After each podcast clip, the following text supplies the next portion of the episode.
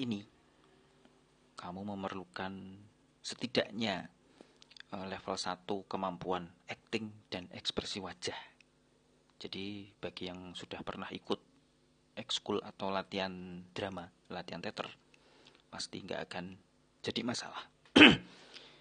Oke, misalkan kamu cowok sedang duduk bareng gebetanmu, cewek atau kekasihmu, pacarmu, lalu mendadak tidak ada hujan, tidak ada angin, tatap hidungnya dengan mimik muka khawatir. Lalu tanyakan juga dengan intonasi suara khawatir. Hah, hidungmu kenapa? Pasti dia akan memegangi hidungnya dan kaget. Hm, memang hidungmu kenapa? Lalu kamu mengubah ekspresi wajah menjadi jelek, nyengir, dan bilang, bagus banget. Pasti dia akan salto Teman-teman, tanggal 14 April kemarin adalah suatu hari yang spesial, yaitu premier season ke-8 dari serial drama fantasi epic Game of Thrones. Bagi yang belum tahu, Game of Thrones diangkat dari seri novel fantasi berjudul A Song of Ice and Fire karangan George R. R. Martin, George R. R. Martin, pengarang fantasi dari Amerika. Dan judul buku pertamanya sendiri, kalau nggak salah sekarang sudah ada delapan judul buku. Judul pertama, buku pertama berjudul A Game of Thrones. Dan itu kemudian dijadikan judul serialnya. Tayang di HBO sejak bulan April tahun 2011. Dan sekarang sudah jalan 8 season, ini season yang terakhir. Dan saya nonton sejak tahun 2014 itu saya sudah dengar lama apa itu Game of Thrones dan kok kayaknya heboh banget. Lalu saya pun iseng nonton satu episode saja ternyata saya nggak bisa ucul nggak bisa lepas dari itu sampai sekarang ini season yang ke-8 yang mana saya nonton komplit sejak dari episode pertama sampai episode ke 68 karena satu season ada 10 episode. Dari season 1 sampai 5 eh 6 tapi season 7 kemarin hanya ada 8 episode dan season terakhir ini hanya ada 6 Mengapa saya ngomongin Game of Thrones di With Writer? tentu terkait dengan dunia kepenulisan. Jadi saya nggak akan membuat uh, pendapat seperti para podcaster lain, pendapat tentang fenomena sosial terkini atau resensi, tapi saya akan mengambil Game of Thrones dari sisi cerita yang bisa kita ambil sebagai bahan untuk nulis tentu saja. Saya sendiri belum baca bukunya terus terang, tapi dari sisi cerita, dari sisi karakterisasi, apa yang ada di serial itu sudah cukup sama dengan yang ada di buku. Jadi kita bisa pelajari itu untuk membuat cerita kita sendiri. Bagaimana cara Mbah Martin, karena dia memang sudah tua, umur 60-an lebih, itu bisa kita pelajari lalu kita praktekkan ke dalam tulisan kita masing-masing. Nah, di episode ini nanti saya akan mencoba mengajak kamu semua untuk mencoba ngangsu kawruh atau itu bahasa Jawa untuk menimba ilmu dari Mbah Martin melalui serial Game of Thrones, serial A Song of Ice and Fire. Lebih bagus kalau habis ini kita semua baca bukunya bareng-bareng sehingga kita bisa langsung menyelami apa toh yang ada dalam buku tersebut.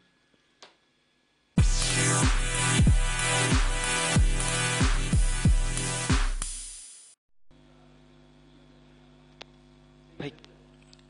Hal pertama yang bisa kita pelajari dari Game of Thrones untuk para penulis adalah bahwa tok eh serial itu tidak memiliki satu tokoh utama yang betul-betul menjadi pusat cerita. Tidak ada. Jadi kalau di dalam bahasa Jawa itu istilahnya lakoni. Sang jagoan itu nggak ada. Misalnya di film Kapten Amerika ada Kapten Amerika yang merupakan satu-satunya tokoh terpenting. Kemudian di Batman ya si Batman. Tapi di sini di Game of Thrones nggak ada yang seperti itu. Saya nggak akan berikan spoiler atau bocoran cerita tapi kalau kita nonton serial itu secara runtut dari satu episode ke episode berikutnya, idola kita terhadap satu tokoh itu akan terus-menerus berganti. Kita akan terpaksa mengalami pergantian tokoh idola. Lalu, selain itu, selain tokoh idola kita ganti, itu kita juga akan ketemu mereka sebagai manusia biasa. Dalam arti, mereka punya kelebihan yang membuat kita ngefans tapi kadangkala kekurangan mereka juga kelihatan yang membuat kita berbalik tidak suka atau menyesalkan atau prihatin dan sebagainya Game of Thrones mengajari kita para penulis untuk membuat karakter-karakter yang seperti ini.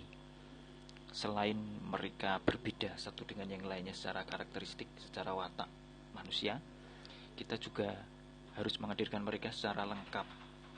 Ada kelebihan dan ada kekurangannya. Jadi nggak ada itu istilahnya kayak di sinetron di mana tokoh yang diutamakan itu serba luar biasa.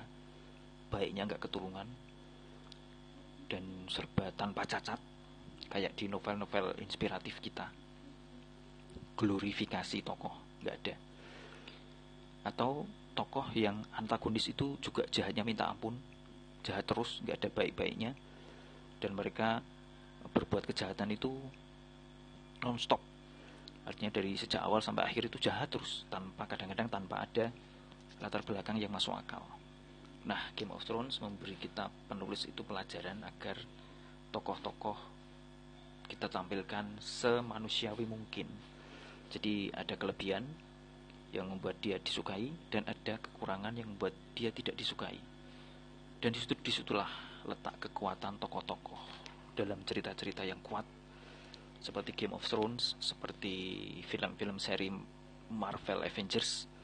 Itu mereka luar biasa, tapi mereka juga manusia biasa yang memiliki berbagai macam kekurangan di antara semua kelebihan. Mengapa kita perlu menampilkan tokoh seperti ini?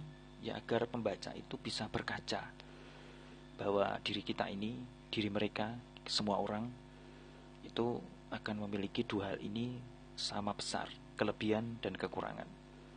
Sehingga ketika kita bertemu seseorang yang mempesona, itu tidak lantas membuat kita terbius total tanpa memikirkan uh, kejelekannya, karena pasti ada. Sebaliknya ketika kita menemukan seseorang yang sepertinya tidak punya kelebihan, sehingga kita mungkin tidak memilihnya dalam urusan asmara. Ingat, dia juga punya kelebihan sebagai manusia, hanya saja mungkin pada momen itu belum terlihat. Jadi kita bisa simpulkan bahwa tokoh-tokoh meskipun itu tokoh fiksi itu tetap harus tampil sebagaimana adanya manusia. Jangan kita membuat tokoh itu sesuka hati kita sendiri yang protagonis ya baiknya gak ketulungan sampai kelihatan goblok dan yang protagonis yang antagonis juga jahatnya gak ketulungan sampai kelihatan goblok di sini kita diberitahu oleh George R. R. Martin bahwa tokoh fiksi adalah yang juga manusia biasa seperti kita semua di alam dunia nyata ini.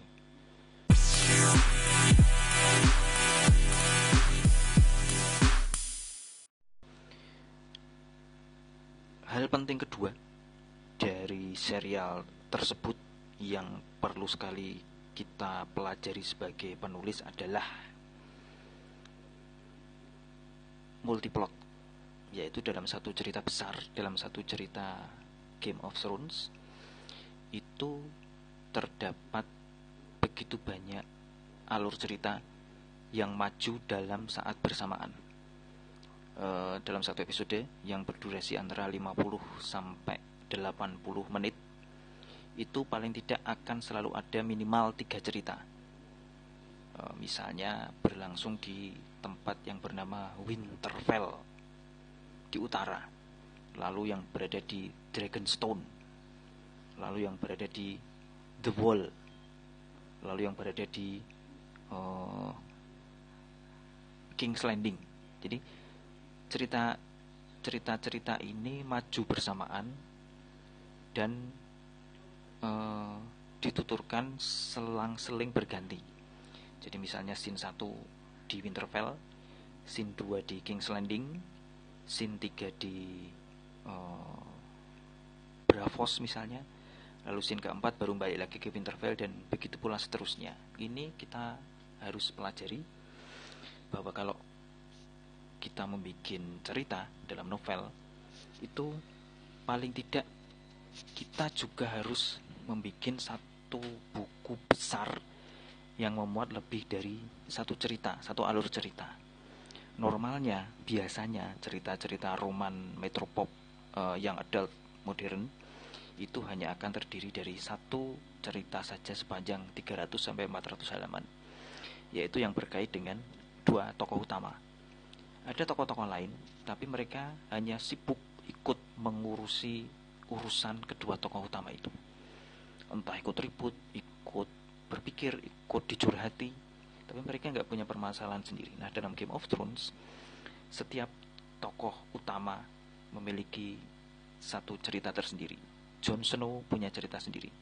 Daenerys Targaryen punya cerita sendiri. Cersei dan Jaime Lannister juga punya cerita sendiri dan mereka maju bersamaan sehingga kita seolah-olah uh, seperti beli sampo two in one satu bungkus tapi ada dua. Sampo dan kondisionernya. Kan lebih bagus kalau ada tiga. Ditambah dengan bumbu. Lalu ada minyak sayur. Lalu ada sayuran kering. Nah jadi dalam satu paket itu kita menghadirkan lebih dari satu cerita. Ada cerita utama tentang tokoh utama satu dan tokoh utama dua. Lalu sahabat si tokoh utama satu itu ada permasalahan sendiri sahabat si tokoh utama kedua juga punya permasalahan sendiri. Dan yang lebih uh, bagus lagi dari Game of Thrones adalah bahwa semua plot itu saling bertautan dan saling memengaruhi. Meskipun mereka terjadi di eh, tempat-tempat berlainan dan berjauhan, tapi mereka saling memengaruhi dan pada akhirnya uh, di season yang ke-8 ini itu semua alur itu saling bertemu dan semua tokoh akan saling bersirobok bertemu satu dengan yang lainnya. Jadi ini yang harus kita tiru dari Game of Thrones mengenai betapa banyaknya uh, plot yang ada di situ. Dan karena setiap tokoh punya cerita, maka pencarian kita terhadap tokoh idola satu-satunya itu akan selesai. Karena mereka semua sama, tidak ada satupun yang bisa kita idolakan lebih dari yang lainnya. Atau mereka memang sama-sama adalah tokoh utama, tapi dalam cerita hidup masing-masing. Nah, itu kan sama dengan kita semua ini di dunia nyata. Kita, teman, kakak, adik, ayah, ibu, tidak ada satupun yang menjadi lakon, tidak ada satupun yang menjadi jagoan. Kita pun juga tidak. Kita semua masing-masing adalah tokoh utama dalam kisah kita masing-masing. Dan itu adalah pelajaran terpenting kedua yang bisa kita petik dari Game of Thrones dari segi banyaknya plot yang diceritakan dalam satu episode.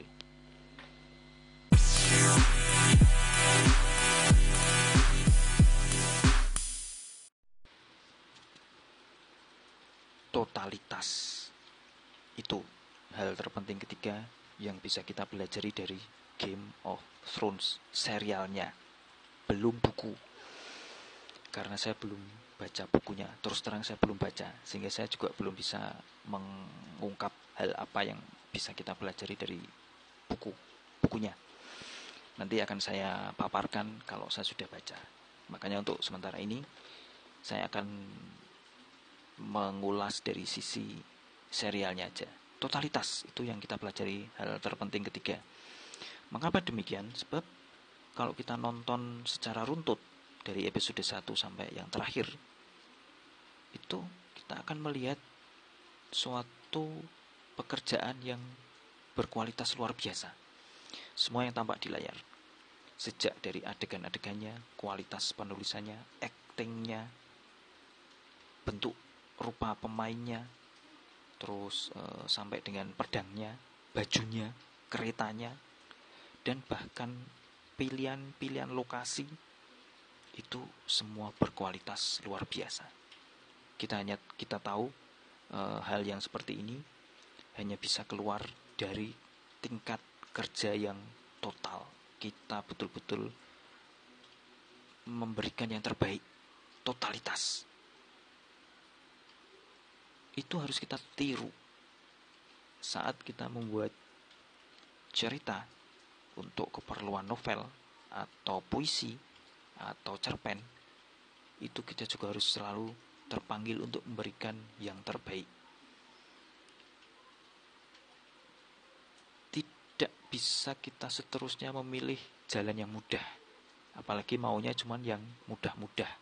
Mudah, murah, singkat. Tapi pengennya langsung terjual bestseller dan difilmkan lalu jadi kaya raya, jadi seleb. Yang di Twitter diikuti 2 juta jiwa, 2 juta follower. Lalu jadi seleb tweet atau selebgram. Itu nggak ada pekerjaan yang seperti itu tidak akan memungkinkan kita membuat sesuatu yang juga berkualitas baik. Sebaliknya, kita harus selalu terpanggil untuk memberikan yang terbaik dari diri kita dalam pekerjaan kita sebagai penulis. Genrenya kita jajal yang sulit. Ceritanya kita cari yang juga tidak mudah untuk diceritakan penokohannya harus jelimet dan harus banyak. Endingnya, plot twistnya harus tidak terduga. Dan jika memungkinkan antara satu cerita, antara satu buku dengan cerita berikutnya, kita selalu tertantang untuk menampilkan hal-hal yang selalu berbeda. Jangan pernah ada yang diulangi. Hanya karena buku pertama sukses, terjual sekian puluh ribu eksemplar hanya dalam sekian bulan lalu semua buku berikutnya podo karo kuwi nah ini nanti ya ya mungkin tetap akan laku tapi kita jadi bertanya pada diri sendiri lalu apa yang kita berikan untuk diri kita dalam pencarian uh, ilmu untuk menghasilkan sesuatu yang lebih baik kita harus selalu tertantang untuk menaklukkan teritori-teritori pekerjaan yang sulit. Karena dalam upaya penaklukan itu akan ada banyak ilmu yang bisa digali. Kita tampilkan tema yang sulit agar kita mencari. Kita tampilkan tokoh-tokoh yang bervariasi agar kita jadi lebih tajam dalam mengamati karakter-karakter di sekeliling kita. Dan jika perlu kita riset, kita wawancara, kita studi pustaka, bahkan juga survei untuk membuat cerita kita selengkap mungkin dari segi data, fakta, dan logika. Apalagi jika tema yang kita tampilkan beda dari keseharian kita. Misalnya kita seorang wartawan, tapi bisa menampilkan tema kedokteran dan medis. Bisa menampilkan tema kemiliteran, bisa menampilkan tema kepolisian, atau bisa menampilkan tema uh, auditor pajak misalnya lengkap dengan detail di dalamnya. Nah, dalam upaya pencarian-pencarian ini, kita total dalam bekerja, pasti akan ada banyak ilmu yang e, bisa kita serap. Lalu kita menjadi penulis yang selalu lebih baik dari sebelumnya. Kita naik tingkat. Itu saja tiga kelebihan yang kita bisa pelajari dari Game of Thrones yang serial. Uh, harapannya tentu agar kita bisa seperti ini, bisa membuat uh, tokoh yang manusiawi, bisa membuat cerita yang memiliki alur yang banyak, dan akhirnya bisa total dalam bekerja. Saya cukupkan untuk episode kali ini dan kita akan ketemu dalam episode selanjutnya yang saya sendiri belum tahu nanti akan ngomongin apa. Tapi yang jelas jangan pernah berhenti menulis. Mengapa? Because writing is good.